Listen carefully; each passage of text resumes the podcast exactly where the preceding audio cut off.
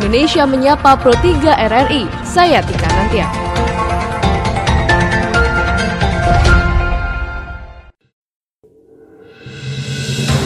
Dari Medan Merdeka Barat 45 Jakarta, inilah Radio Republik Indonesia dengan Warta Berita. Bersama saya Tika Nantia.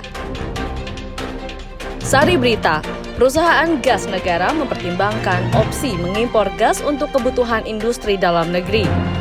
Gubernur DKI Jakarta Anies Baswedan yakin dua calon wakil gubernur yang telah ditunjuk dapat membantunya dalam bekerja memenuhi janji politik kepada semua pihak. Inilah Warta Berita selengkapnya. Perusahaan gas negara atau PGN sedang mempertimbangkan opsi mengimpor gas untuk kebutuhan industri dalam negeri. Laporan selengkapnya disampaikan oleh Safira Amalia kesempatan apabila memang dimungkinkan untuk melakukan impor dalam rangka memberikan harga khusus, mendapatkan harga yang khusus. PT Perusahaan Gas Negara PGN membuka opsi impor gas untuk memenuhi kebutuhan gas dalam negeri, khususnya untuk industri. Namun opsi impor gas ini dipakai jika harga gas di hulu dalam negeri belum bisa masuk dalam angka keekonomian industri. Direktur Utama PGN Gigi Prakoso menjelaskan langkah ini bisa saja diambil perusahaan apabila harga gas di market lebih murah daripada produksi dalam negeri. Hal ini juga bisa menjadi pilihan agar bisa menciptakan harga gas sebesar 6 dolar Amerika Serikat per MMBTU untuk industri. Mengenai impor, tentunya impor ini juga sebagai opsi, sebagai balancing apabila memang diperlukan harga yang jauh lebih kompetitif yang bisa diperoleh dari sources dari impor LNG ke depan. Lebih lanjut, Gigi menjelaskan impor gas merupakan satu dari tiga opsi yang dilayangkan oleh Presiden selain DMO gas dan juga pengurangan bagian pemerintah atas jatah gas dari K3S. Gigi mengaku bahwa PGN mendukung penuh rencana Presiden yang diterapkan dalam Perpres nomor 40 tahun 2016 untuk membuat industri dalam negeri tumbuh dan berkembang secara kompetitif. Gubernur DKI Jakarta Anies Baswedan yakin dua calon wakil gubernur yang telah ditunjuk dapat membantunya dalam bekerja memenuhi janji politik kepada semua pihak, utamanya kepada warga DKI Jakarta. Anies juga yakin partai pengusung sudah memikirkan semua faktor yang harus diperhatikan para kandidat calon wakil gubernur agar yang terpilih nanti dapat langsung bekerja. Informasi selengkapnya akan kami hadirkan dalam sesi laporan khusus Pro 3 bersama Pradip Tarahardi. Laporan khusus. Laporan khusus. Laporan khusus. Setelah hampir dua tahun, Gubernur DKI Jakarta Anies Baswedan bekerja seorang diri tanpa ada pendamping, maka tidak lama lagi Anies akan segera mendapat pendamping. Ada dua nama calon pendamping yang sudah diajukan, yaitu Nurman Syalubis dari Partai Keadilan Sejahtera (PKS) dan Ahmad Riza Patria dari Partai Gerindra. Kedua nama itu diusulkan langsung oleh PKS dan Gerindra pada Senin 20 Januari 2020 dan kedua nama tersebut juga sudah diajukan langsung ke DPR di DKI Jakarta oleh Anies dan juga partai pengusung pada Selasa 21 Januari 2020. Anies sendiri di Balai Kota menyampaikan bahwa dirinya sudah mengenal sosok Nurman Syah Lubis dan juga Riza Patria. Anies yakin salah seorang dari kedua calon tersebut jika terpilih dapat membantunya bekerja, memenuhi janji politik kepada semua pihak termasuk warga Jakarta. Mantan Rektor Universitas Paramadina itu juga meyakini bahwa partai pengusung sudah memikirkan semua faktor yang harus diperhatikan para kandidat calon wakil gubernur agar yang terpilih nanti bisa langsung bekerja. Saya percaya partai pengusung pasti sudah mempertimbangkan semua uh, faktor sebelum mengusulkan karena kita tahu bahwa tanggung jawab di Jakarta tidak kecil. Kemudian kita juga tahu bahwa ini ada janji politik dari kampanye, ada RPJMD, dan saya percaya kedua pribadi yang diusulkan ini pasti sudah mempelajari, memahami, dan siap untuk e, melaksanakan itu semua. Munculnya nama Nurman Syalubis dan Riza Patria rupanya tidak serta-merta mulus begitu saja karena rupanya PKS tidak senang hati karena merasa tidak diajak untuk diskusi bersama dalam hal penentuan calon pendamping untuk Anies. Sekretaris fraksi PKS di DPR DKI, Ahmad Yani menjelaskan langkah yang ditempuh Gerindra adalah langkah sepihak. Yani menyebut pihaknya kecewa lantaran tidak diajak diskusi secara serius mengenai penentuan untuk calon wakil gubernur. Kami dari PKS DKI Jakarta diinformasikan pada malam harinya sebelumnya pada pukul 21 lewat 21 untuk hadir dalam uh, dalam acara itu. Kemudian dari kami juga sudah menyampaikan bahwa untuk dilaksanakan acara itu kita perlu duduk bersama dulu. Nah dari kami sudah berkomunikasi dengan Pak M Taufik di telepon kemudian nggak diangkat teleponnya. Kemudian kita juga sampaikan uh, melalui WA ya. Nah sehingga kami katakan bahwa PKS tidak akan hadir dalam acara itu sebelum memang ada kesepakatan bersama untuk duduk bersama. Namun nada berbeda justru datang dari Gerindra. Sebelumnya Muhammad Taufik dari fraksi Gerindra di DPRD DKI mengatakan bahwa pihaknya sudah berkomunikasi dengan PKS. Evaluasi pun sudah dijalankan, baik oleh Gerindra dan juga PKS. Kan itu harus dievaluasi. Yang pertama, barangkali apakah e, figurnya atau komunikasinya ini yang saya kira e, harus menjadi perhatian kami berdua PKS. Pansusnya dibuat Pansusnya kan sudah selesai tugas pansus ini. Tugas pansus adalah menyusun tata tertib sampai batas pelaporan pada rap pimpinan. Dia sudah melakukan pada pimpinan, jadi sudah selesai pansus. Ketidakpuasan pasti selalu mengemuka dari pihak yang merasa kurang diuntungkan. Meski terkesan sulit dan memakan waktu hampir 2 tahun, siapa pun yang akan terpilih untuk menjadi wakil gubernur DKI Jakarta harus dapat bekerja bersama dengan Anies. Pekerjaan mengolah Jakarta yang notabene adalah daerah khusus ibu kota bukanlah pekerjaan yang mudah. Karenanya diperlukan keseriusan dan juga dedikasi tinggi untuk membenahi Jakarta yang begitu kompleks permasalahannya. Pendengar masih dalam fokus mengenai dua calon wakil gubernur yang telah ditunjuk dan kemudian Anies Baswedan meyakini bahwa calon-calon ini dapat bekerja dalam memenuhi janji politik kepada semua pihak. Namun bagaimana kami melihat situasi ini? Oleh karena itu akan kami hadirkan dalam sesi komentar yang disusun dan disampaikan langsung oleh redaktur senior RRI Widi Kurniawan berikut ini. Editorial Pro 3 Selamat pagi pendengar. Menyaksikan drama perebutan jabatan antara Partai PKS dengan Partai Gerindra untuk mengisi posisi Wakil Gubernur DKI Jakarta seakan membuktikan pendapat orang bijak bahwa di dalam politik tidak ada lawan sejati dan teman abadi, melainkan yang ada adalah kepentingan yang sama. Kini PKS dan Gerindra bersaing masing-masing memperebutkan posisi Wakil Gubernur DKI Jakarta. Padahal dulu mereka satu kongsi dan satu perahu. Secara gagah berani berdua mengusung Anies Baswedan dan Sandiaga Uno melawan Basuki dan Jarod Saiful Hidayat. Tapi kini mereka bersaing mendapatkan posisi wakil gubernur yang kosong setelah ditinggal Sandiaga Uno.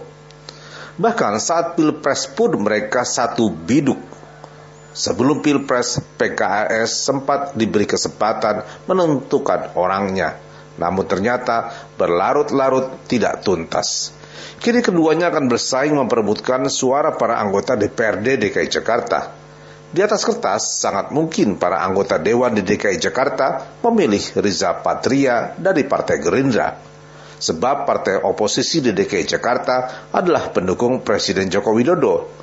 Dan kini Partai Gerindra pun bagian dari koalisi Presiden sehingga suara itu potensi dimainkan oleh partai oposisi di DKI Jakarta. Seolah pemilihan itu sudah selesai. Lain halnya bila pemilihan itu diserahkan kepada warga DKI Jakarta. Bisa jadi calon dari PKS, Syah Lubis, akan punya kesempatan lebih besar. Inilah resiko berkongsi dalam politik. Apa pun hasilnya, itu adalah pilihan politik Warga ibu kota pun tidak perlu risau dengan hasilnya, sebab semua ada di tangan anggota DPRD DKI Jakarta. Namun pertanyaan selanjutnya adalah, apakah kinerja Gubernur DKI Jakarta Anies Baswedan akan menjadi lebih baik setelah didampingi oleh Wakil Gubernur atau justru sebaliknya? Sebab dengan kehadiran seorang Wakil Gubernur bisa jadi agendanya menjadi agenda partai politik. Saat ini posisi Anies Baswedan seolah sudah seperti raja. Ia sendirian memimpin DKI Jakarta, bahkan berani menentang pemerintah pusat. Itu adalah pilihan politik. Kita lihat dan kita tunggu segera. Demikian komentar, selamat pagi.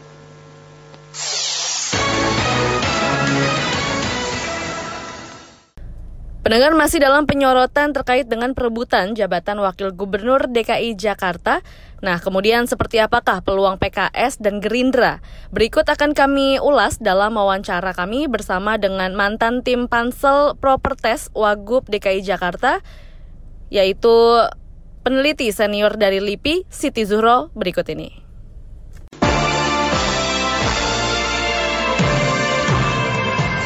Bu Wiwi, selamat pagi. Mbak Wiwi, selamat pagi. Selamat pagi. Apa kabar? Mbak Rizky, Mbak Fadli. Alhamdulillah ya. baik. Baik ya. Ini ya. menarik sekali. Sudah satu setengah tahun lebih, kemudian sekarang kelihatannya sudah tarik menarik lagi Wakil Gubernur DKI Jakarta. Apa ya. sebenarnya masalahnya? Apa masalahnya? Senang diketawanya Bu Wiwi.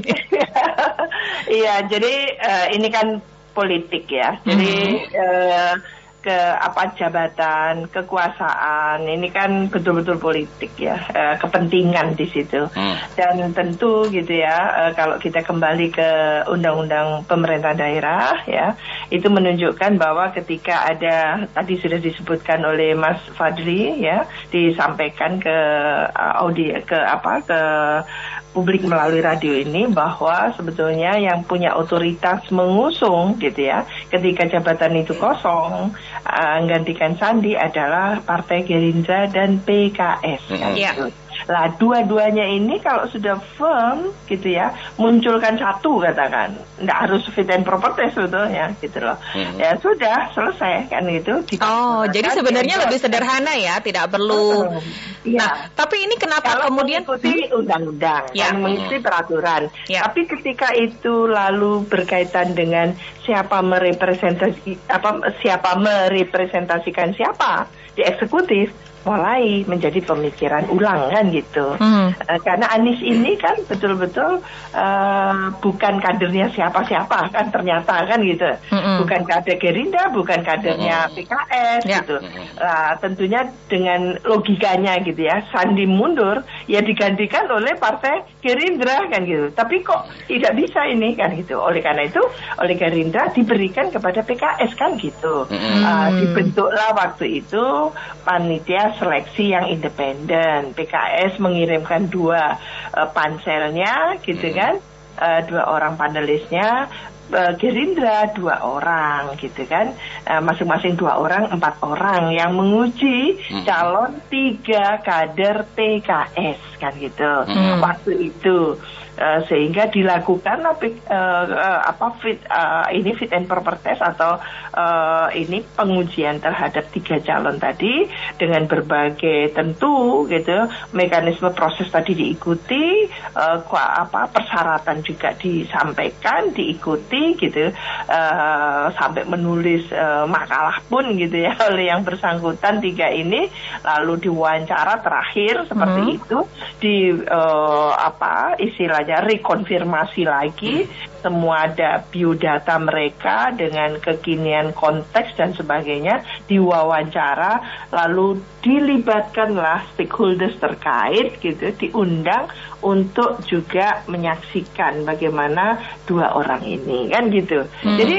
sampai ke sana matang dan kita bekerja dengan tentu gitu ya uh, timeline yang seperti itu akhirnya sudah selesai memunculkan tidak boleh satu dua supaya ada uh, opsi kan hmm. gitu. Iya, yeah, iya. Yeah. Nah, muncul kita mm-hmm. serahkan kepada partai dua partai ini menerima lalu prosesnya sama dikasihkan Anies uh, lalu Anies dibawa ke paripurna kan gitu lah di situ masuk angin gitu hmm. di situ uh, mungkin stuck oh, ya, nah ya. kalau dilihat dari mekanismenya tadi kan sebenarnya cukup rumit nih ya Bu Wiwi ya iya, uh, iya. mekanismenya karena padahal aturan undang-undangnya bisa lebih simpel tapi kalau iya. memang ternyata harus mengikuti mekanisme akankah mungkin di tengah-tengah nanti ada bergending lagi ketika memang ternyata uh, tidak sesuai dengan hasil uh, proper testnya atau apa pun itu? Ya.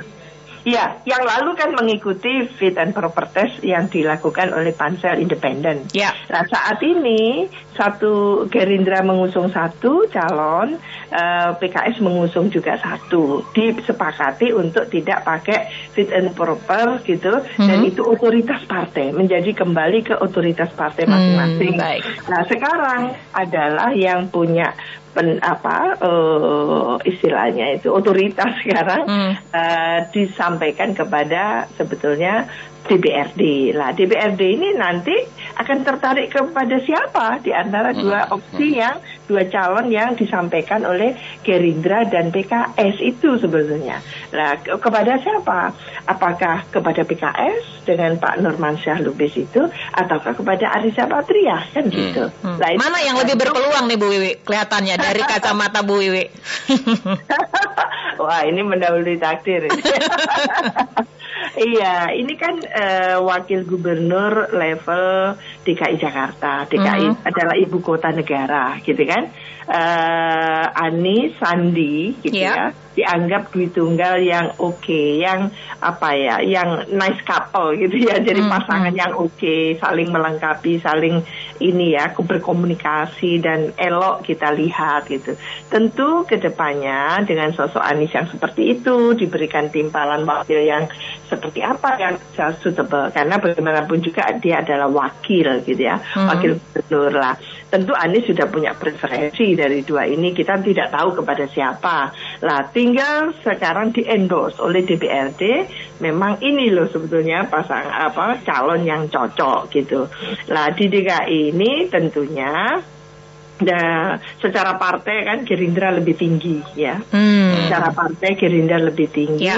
Lalu uh, kita berdo uh, apa ya berharap yang dua-duanya punya life history yang bagus, artinya integritasnya sudah lolos gitu ya. Hmm. Arisa Patria lolos, Normansyah lolos kan gitu, sehingga tidak ada permasalahan masalah uh, permasalahan uh, integritas, artinya kejujuran, etika, tidak pernah melanggar itu semua kan gitu. Hmm. Uh, tinggal kompetensi, uh, kapasitas, manajerial dan tentu gitu leadershipnya sebagai ini ini dan kecocokan dan dia bisa mampu merespon nanti kalau dikasih tugas-tugas kalau sampai gubernur mengatakan oh, oke okay, urusan reformasi birokrasi hmm, uh, DKI Jakarta di situ ya. Hmm. Lalu tentang tentu uh, apa yang disampaikan oleh An, uh, Sandi yang lalu hmm. dengan OC oke oke ya, dan sebagainya bisa nggak dilanjut dan sebagainya. Ya. Nah sosok-sosok kerja sebetulnya yang dibutuhkan. Hmm. Sosok kerja eksekutor karena masuk wilayah uh, eksekutif kan sekarang ini. Yeah. Nah, seberapa punya kapasitas ya, tidak hanya kompetensi tapi kapasitas, kapasitas mengeksekusi kan gitu. Mm. Dari seorang wakil gubernur ini gitu. Uh, saya kurang kenal gitu ya uh, dengan Pak Nurmansyah dalam hal ini gitu karena anda ikut fit and proper test memang tidak ada fit yeah. and proper testnya sebagai publik saya kurang kenal uh, belum belum banyak belum pernah ketemu juga gitu. Jadi hmm. tidak mungkin dengan Pak Riza suka satu panel gitu hmm. kan, ya, dengan ya, ya. satu narasumber berkali-kali dan sebagainya gitu ya. Baik. Uh, ini politisi tapi serasa bukan politisi kalau Pak Riza ini. Hmm. Karena uh, memang cita, iya. Jadi cita rasa kan, apa nih Mbak Wiwi? Ya uh, kan biasanya Pak harus dasar politisi kan gitu. Hmm. Nah itu tidak, dia uh, memang juga putranya seorang Pak Amidan kan, Pak, hmm. Pak Kiai lah ya, gitu ya, ya, ya, tokoh gitu. Tapi memang secara perilaku, secara tutur kata, tata hmm. keramanya, tindakannya itu memang termasuk bagus gitu Baik. ya dalam arti terekod bagus. Jadi uh, Pak Arisa Tidak ini tidak kemungkinan kepilih kan mm, gitu. Mm, mm, bisa dikatakan layak ya untuk mengisi posisi Wagub Mbak Wiwi. Iya, karena juga tidak arogan gitu. Ya. Baik. Kalau mau disandingkan dengan Sandi yang sudah hmm, lengser hmm, gitu hmm, mundur, itu menurut saya ya uh, banyak kemiripan karena ini humble gitu. Ya, tapi awalnya kan Wagub ini jatahnya PKS dan Gerindra mungkin sudah sempat membuat kesepakatan juga dengan PKS sebelum Pilpres ya. Tapi ternyata ya. sekarang di awal tahun 2020 ini Gerindra memunculkan nama baru. Kalau Mbak Wiwi ya. melihat apa yang terjadi? Ada apa antara PKS dan Gerindra sekarang ini? Uh, sebetulnya satu hal saja ya. Di partai itu kan memang ujung-ujungnya kan harus ada kekuasaan. Hmm. Uh, Gerindra sebagai partai besar dalam hal ini lebih banyak lah kursinya gitu hmm. uh, merasakan siapa ini wakilnya di, hmm. di eksekutif kan gitu hmm. uh, di DPRD provinsi ada kan jadi gitu. merasa masih punya hak begitu ya iya apalagi jadi, sekarang berkoalisi dengan pemerintah begitu uh, ada hubungannya saya, tidak tidak harus dikontekkan ke sana, hmm. tapi ini kan kontestasi di provinsi Baik. yang dia merasa ketika mengusung Anies Sandi itu hmm. berdarah-darah, quote unquote berdua ini kan berdarah-darah hmm. baik PKS hmm. maupun ini gitu kan, sama berjuangnya luar yeah. biasa. Tapi secara suara kan memang dia lebih banyak. Lah kalau kalau partai politik uh, di DPR itu atau di DPRD itu yang dihitung bukan apa-apanya ya suaranya memang mm, kan gitu mm, kursinya. Jadi siapa yang lebih banyak leading kan gitu. Okay. Nggak mungkin kan PDIP lebih banyak lalu yang leading Partai Golkar kan nggak mau kan gitu. Mm, Sama yeah. gitu. Ya, aturan mainnya seperti itu. Jadi uh, setelah uh, apa pemilu dan sebagainya lalu kita harus lihat juga ini sama-sama porsinya ya. sama sepertinya peluangnya 50-50 begitu ya. Iya, tapi mm sebelumnya kan juga sudah diberikan kepada PKS. Yeah. Yeah. Uh, sama sekali Gerindra tidak memaksakan kehendaknya untuk mengusung. Ketika deadlock itu kelihatannya mau tidak mau, Baik. lu ada apa ini? Okay. Tanggal berapa ini harus diputuskan, uh, Bu Wi? Uh, saya tidak tahu, tapi kayaknya Februari sudah punya uh, wakil gubernur, Baik, gitu ya. Tapi mudah-mudahan ya. pernyataan ya. pernyataan yang benar, bukan politik aja kan. Ya, ya. Baik. Bu Wiwi terima kasih kita sudah bersama ya. kami pagi hari ini. Selamat ya. pagi Bu Wiwi. Pagi Bu Wiwi, terima kasih. Terima kasih, Mas Fadri.